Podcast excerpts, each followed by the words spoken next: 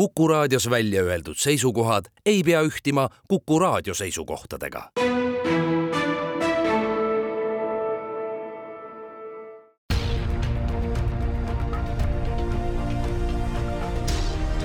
uue samba taga.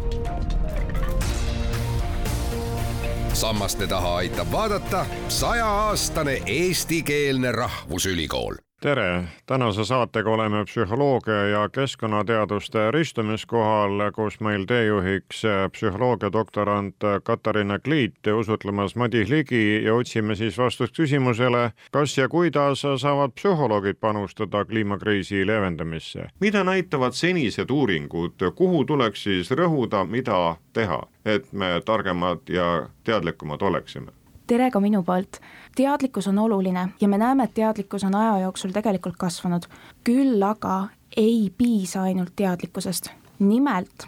kui vaadata suurt pilti, siis äh, kuuekümnendate algusajast on Hawaii'l Mauna Loa meteoroloogiajaamas uuritud järjepidevalt CO2 osakaalu atmosfääris ja me näeme, et see pidevalt tõuseb kui kuuekümnendate alguses oli äh, osakaal kolmsada kolmteist äh, ühikut atmosfääris, siis praegu see on nelisada kaheksateist, ehk kasv on selge. samas me räägime ju, et nagu teadlikkus on ka ju nüüd kõrgem, ehk see ju on otseses vastuolus omadega. aga iseenesest see juba natukene viitab väga hästi psühholoogia olulisusele. nimelt ei ole ainult see, et on paremad teadmised ja siis kohe inimkäitumine muutub kahjuks see protsess on palju raskem. näiteks hakkavad mõju mängima hoiakud, aga ka see, millised on nii-öelda normid sotsiaalses keskkonnas, ehk kuidas inimesed näevad, et teised inimesed käituvad, kuivõrd inimene usub, et ta saab oma käitumist ise kontrollida, aga otseselt ka see, kas on võimalik üldse selles keskkonnas keskkonnasõbralikult käituda, näiteks äh, tahaks küll, aga ei ole võimalik äh, võtta oma topsi või ei ole võimalik näiteks käia teatud kohtades, kus saaks keskkonnasõbralikult käituda, aga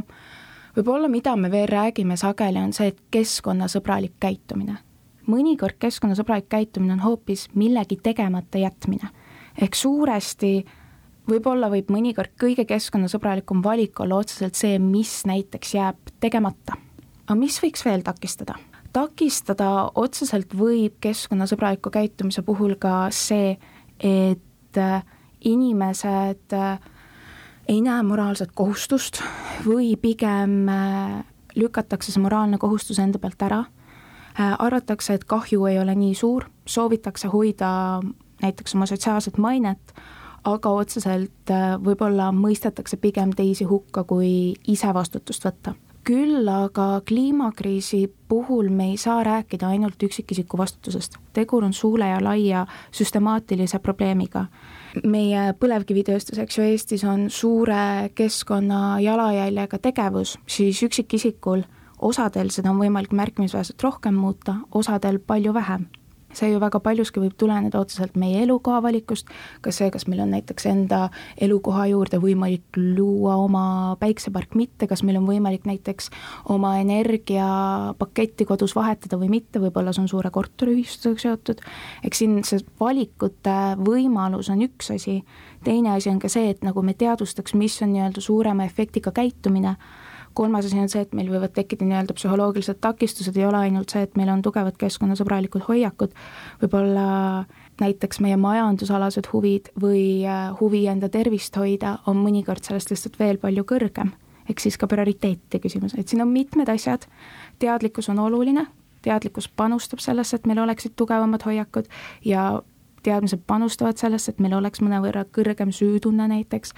aga ka siis võivad olla takistused ehk siis, et ühtepidi inimene teab, et peab, aga teist kätt tekib nagu mingisugune tõrge, et miks just mina, et võib-olla keegi teine kusagil teeb ära, et kus need kokkupuutepunktid ja ühisjooned jooksevad siis, jah? tõesti, tõesti, et üks võib olla vastutuse äralükkamine ka aga kokkupuutepunkte on mitmeid teisi, teisi veel. aga kui palju isiksusomadused siis siin rolli mängivad, et äh, millal need uued tuuled omaks võtta, nendega kaasa puhuda, millal mitte? isikusomadused mängivad rolli igal juhul, inimesed, kes on muutustele rohkem avatud, aga kes hindavad ka näiteks looduslikku huvi enam, suurema tõenäosusega hindavad ennast keskkonnasõbralikemaks inimesteks. samamoodi inimesed, kes teistest hoolivad enam või tegelikult tahavad ka panustada sotsiaalsetesse suhetesse enam,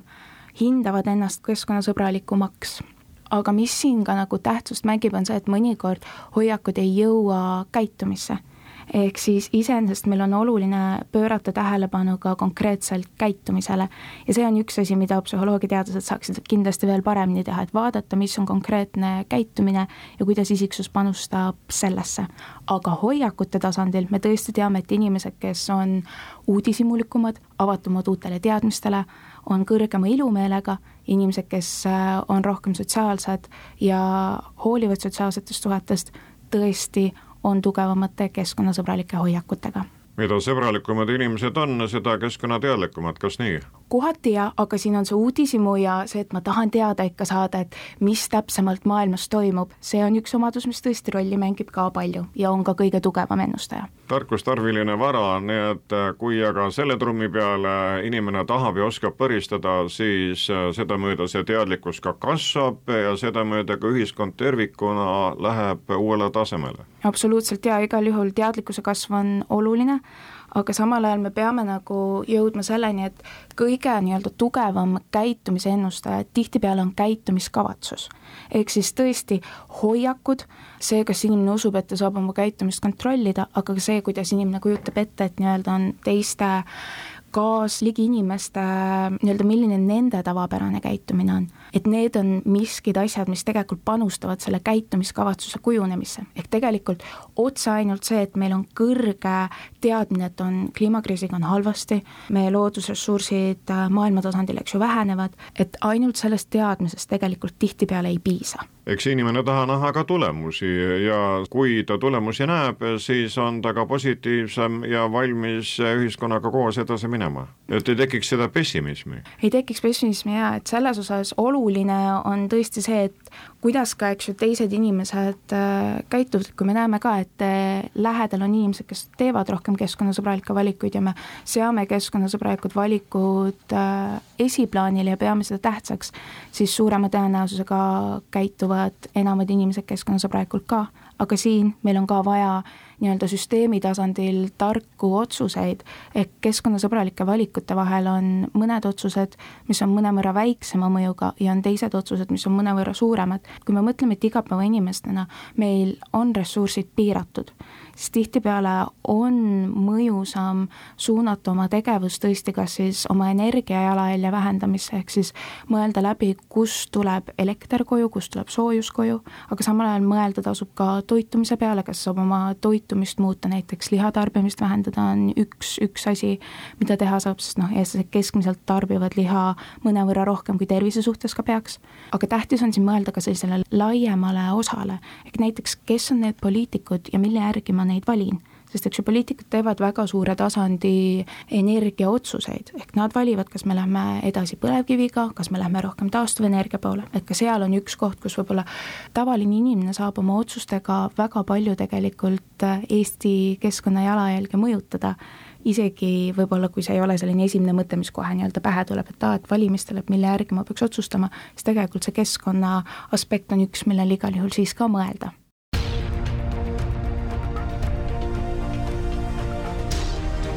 uue samba taga. sammaste taha aitab vaadata sajaaastane eestikeelne rahvusülikool praegu kirjutate doktoritööd, kuid enne seda magistritöö on olnud ka ju sellest samast valdkonnast, nii et üks kasvas nagu teiseks üle. natukene küll, et magistritöös mul oli võimalik äh, uurida inimesepõhiseid psühholoogilisi muutujaid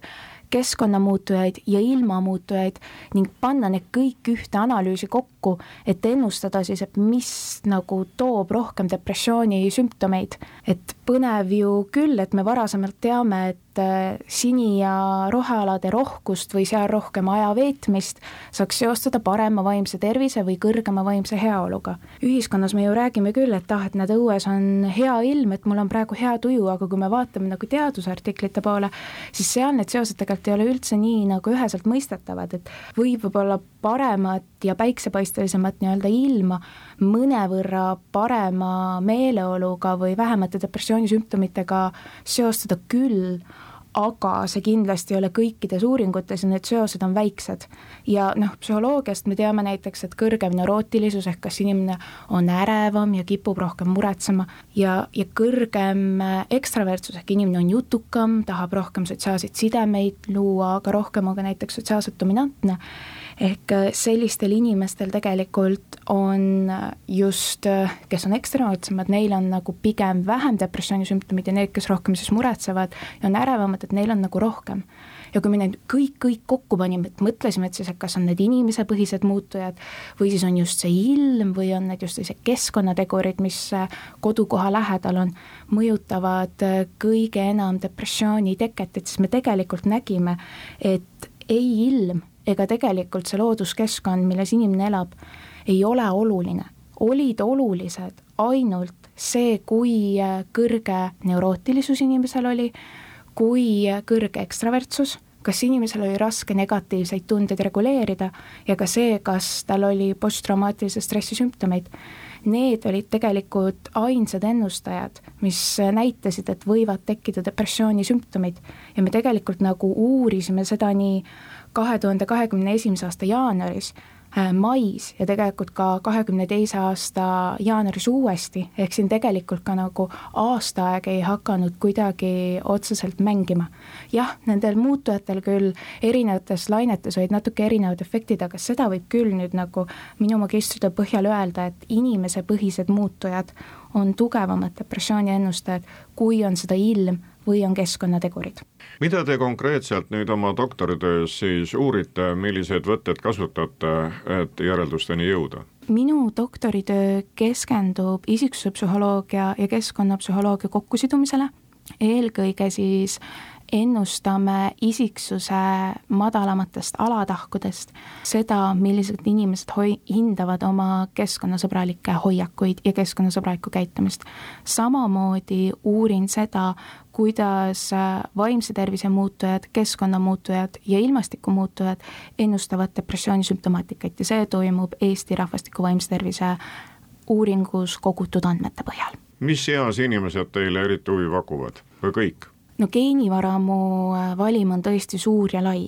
et äh, seal on tõesti äh, mõned isegi teismelised sees, kuueteistkümne, seitsmeteistaastased kuni seal sajaaastaseni välja ja Eesti rahvastiku vaimse tervise valim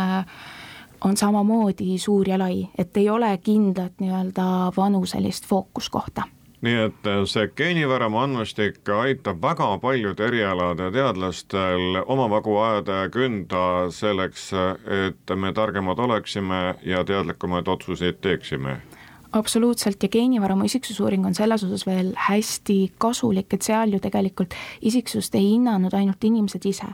vaid hindasid ka inimeste lähedased. see tähendab, et meil on tegelikult võimalik vaadata nüüd seda, et kui lähedased näiteks hindasid avatust teistmoodi ja inimene märgib, et aa, ta ei ole tegelikult väga keskkonnasõbralik, siis me saame siin tegelikult palju paremini ära täpsustada, et mis on ikkagi need isiksuse jooned ja isiksuse alatahud, mis tegelikult ennustavad keskkonnasõbralikku käitumist, et jah, senised teadmised ütlevad küll, et avatus ja uudishimulikkus ja kõrgem ilumeel on need tõesti, mis lisaks siis äh, sotsiaalsete suhete usaldamisele, mis nii-öelda ennustavad, aga nüüd me saame nii-öelda täpsustada väga seda, et kas see tegelikult ikka on nii, sest eks inimesed hindavad oma isiksust äh, ühtpidi, aga see, kui me saame lähedaste hinnanguid juurde võtta,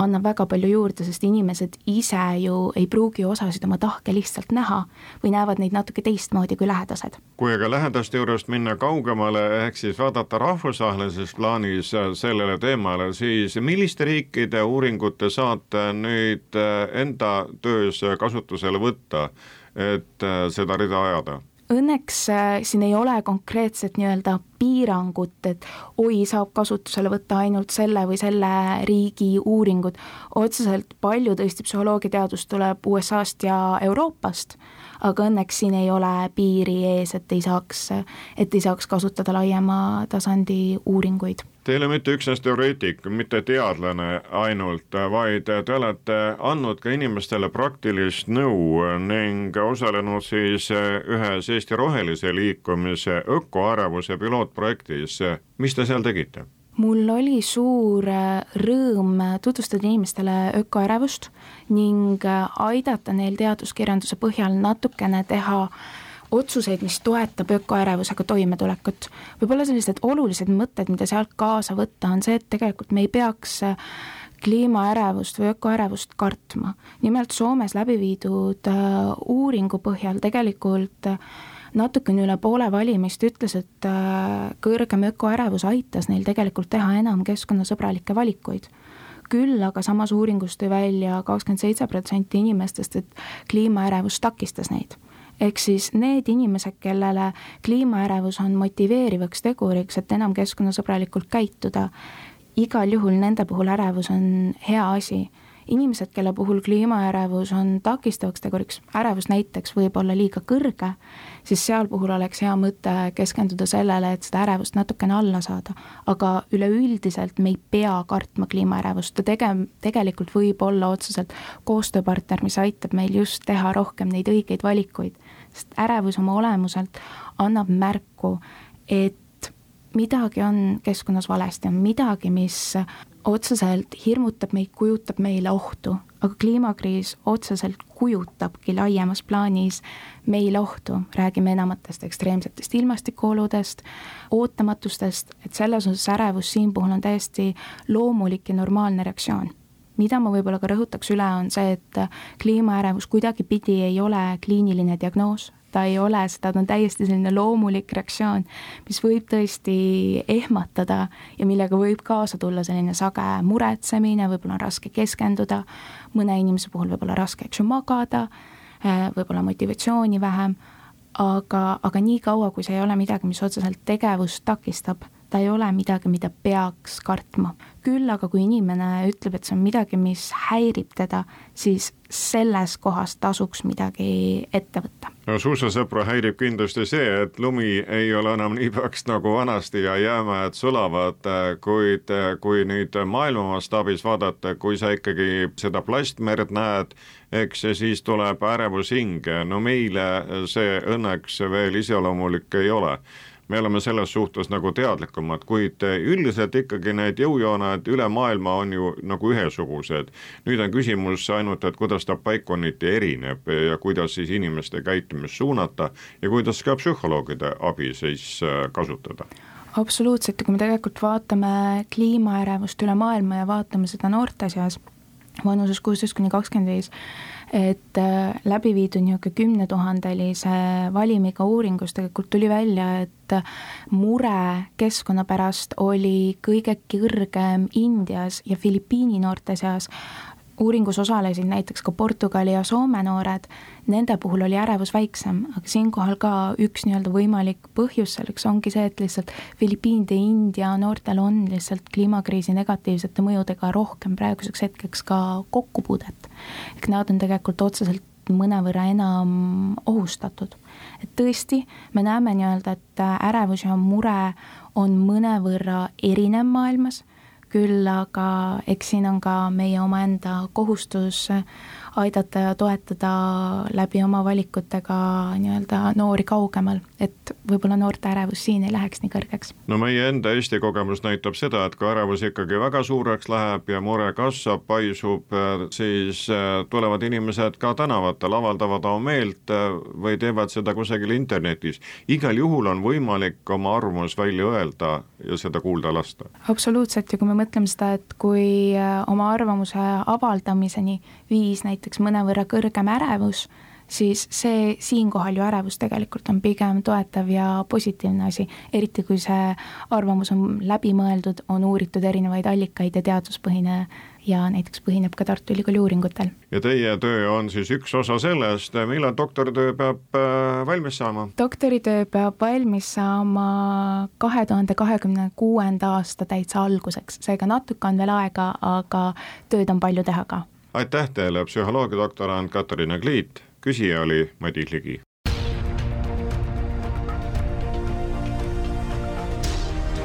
uue samba taga.